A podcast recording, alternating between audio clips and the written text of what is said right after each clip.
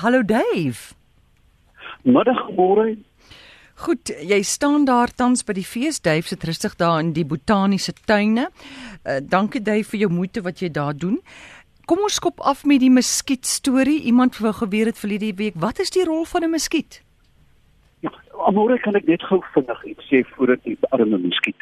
Mm. Wie ek stap die straat af en 'n antie kom van vooraf, so vaderige, maar baie vriendelike tannie en sy gryp my in 'n vurige omhelsing en huil 'n groot nat koeltjie in my regter skouer en prewel die man wat alles weet. Ons moet daai ons moet daai net nou net inslaan. Die arme vrou weet nie hoe glad my bek is en hoe verskriklik ek met oortuiging kan lieg nie. So ek Goed, ons werk daaraan. Ja, en ons werk 'n bietjie daaraan. Vang my uit asseblief. Goed oor muskiete. Ek kan nou nie ek sit in die botaniese tuin en ek kan nou niks gryp nie.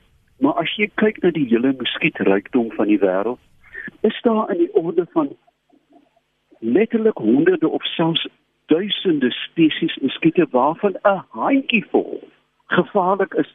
Hemel hier is nou spul buitelandse studente wat hulle stoel begin kyk.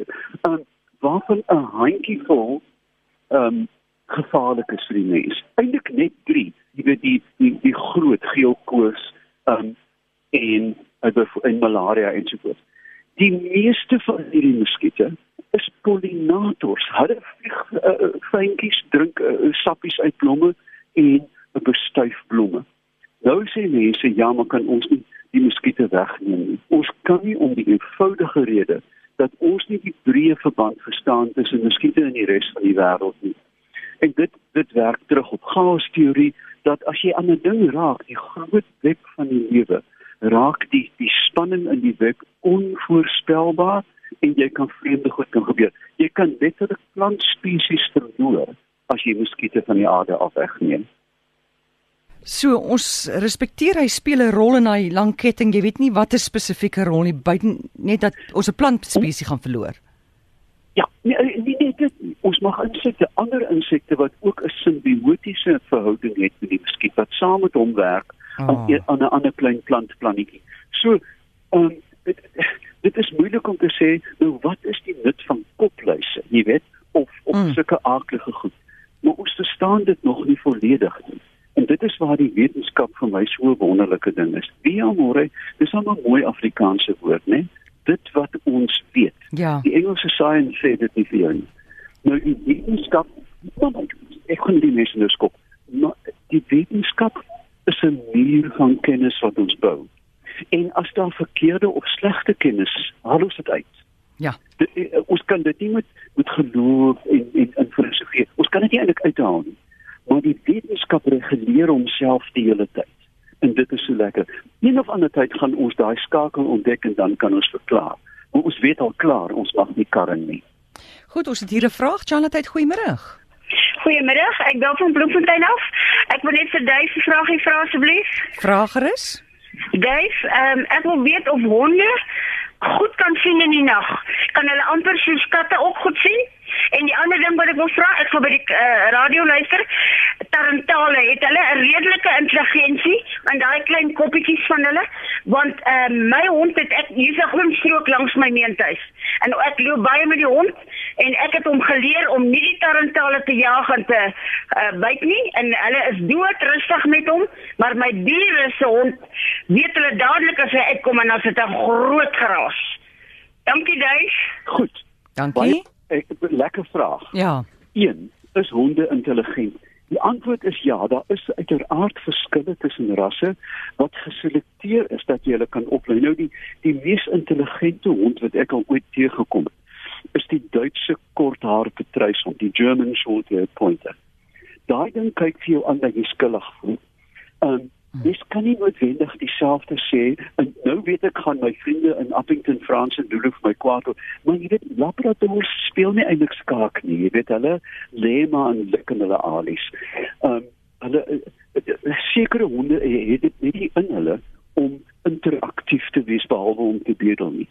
Die antwoord is in die algemeen hulle kom van wolwe af. Ja, hulle is baie intelligent en jy kan 'n hond eindeloos uh uh mm.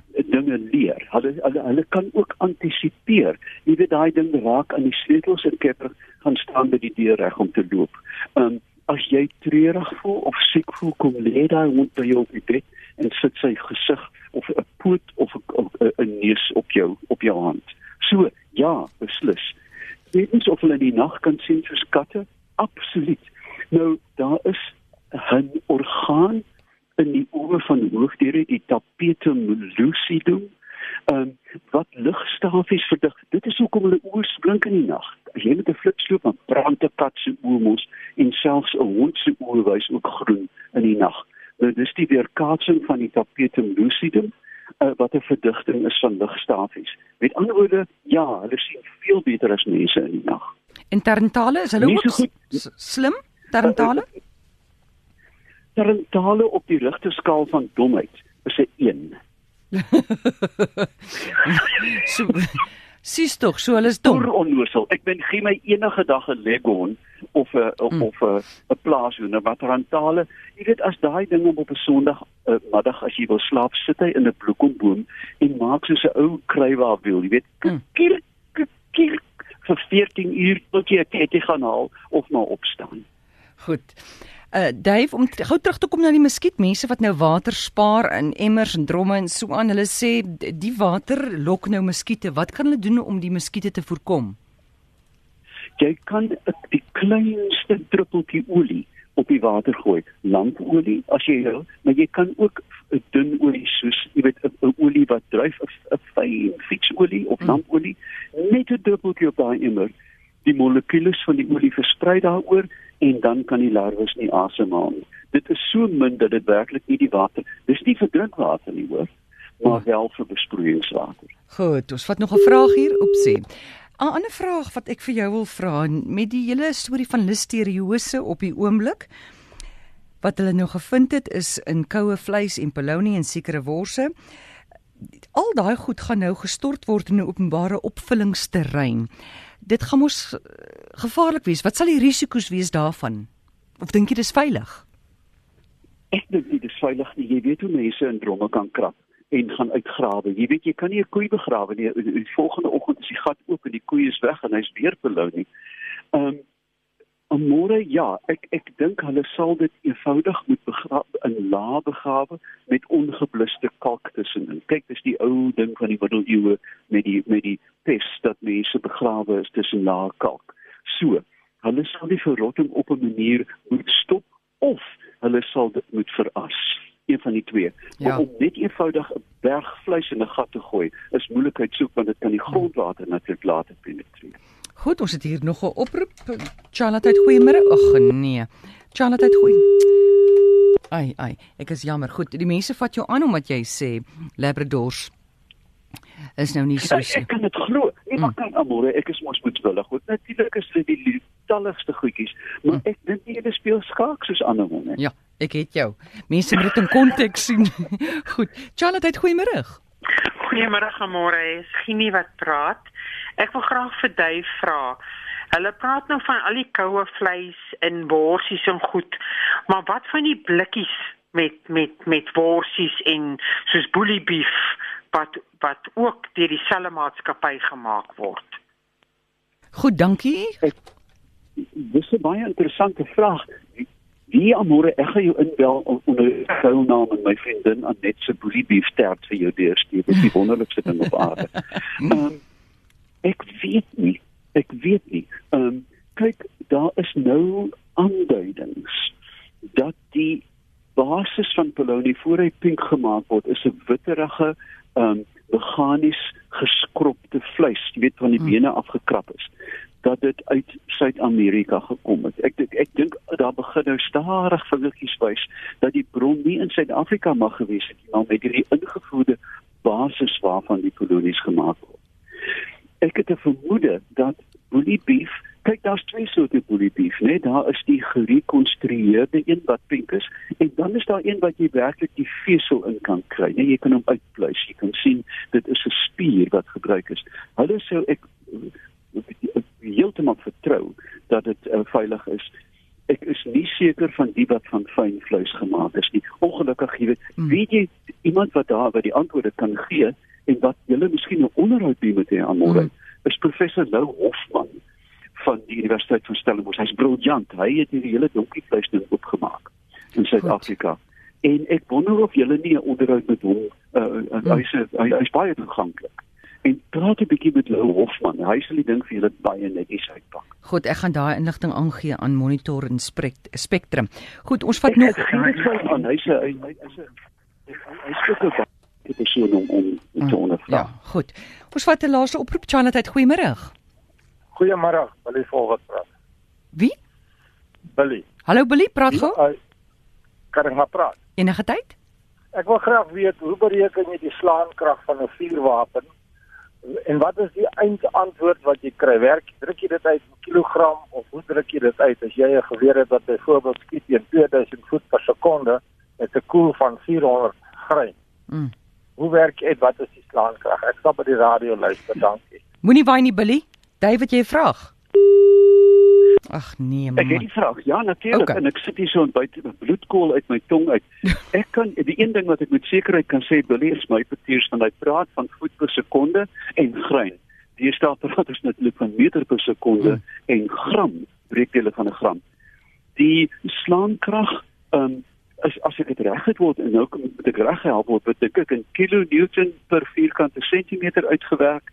Um, maar dit is 'n vaste formule en dit is jy kan dit eintlik net op op 'n toepassing op jou selfoon. Daar is toepassings wat jou presies sê hoe hard 'n koel kan slaan. Dit het uiteraard met twee goed te maak. Die deursnit van die kaliber. Kyk, jy weet ons moet kry op 'n 22 en 'n 303 en 'n 7 by 57 en 'n 9 by 64 alsulke kalibers en dan ook die koel uh, lengte wat bepaal hoe, hoe swaar die koel is. Um en dan is daar goed dat jy daar invul soos sectional density en afskoot. Ek kan nie vir jou eksakte antwoord gee nie. Wat ek wel weet, dis 'n baie maklik berekenbare uh uitresultaat. En dan kan jy dit ook natuurlik ook in in 'n pond per vierkante voet of pond per vierkante duim as jy nie die, die metrieke stelsel verstaan nie. Ek kan dit 'n bietjie nalees en op my Facebook sit by hmm. davepetler.co.za. Wat kan Billy intussen Google om by daai antwoord uit te kom? Billy kan intussen Google kan hy Google ehm um, hy kan caliber convert uh, uh, wat is slaankrag nou in Engels? Um, hy kan eers gaan uh, kyk op Google ek, ek, Translate wat is slaankrag in Engels.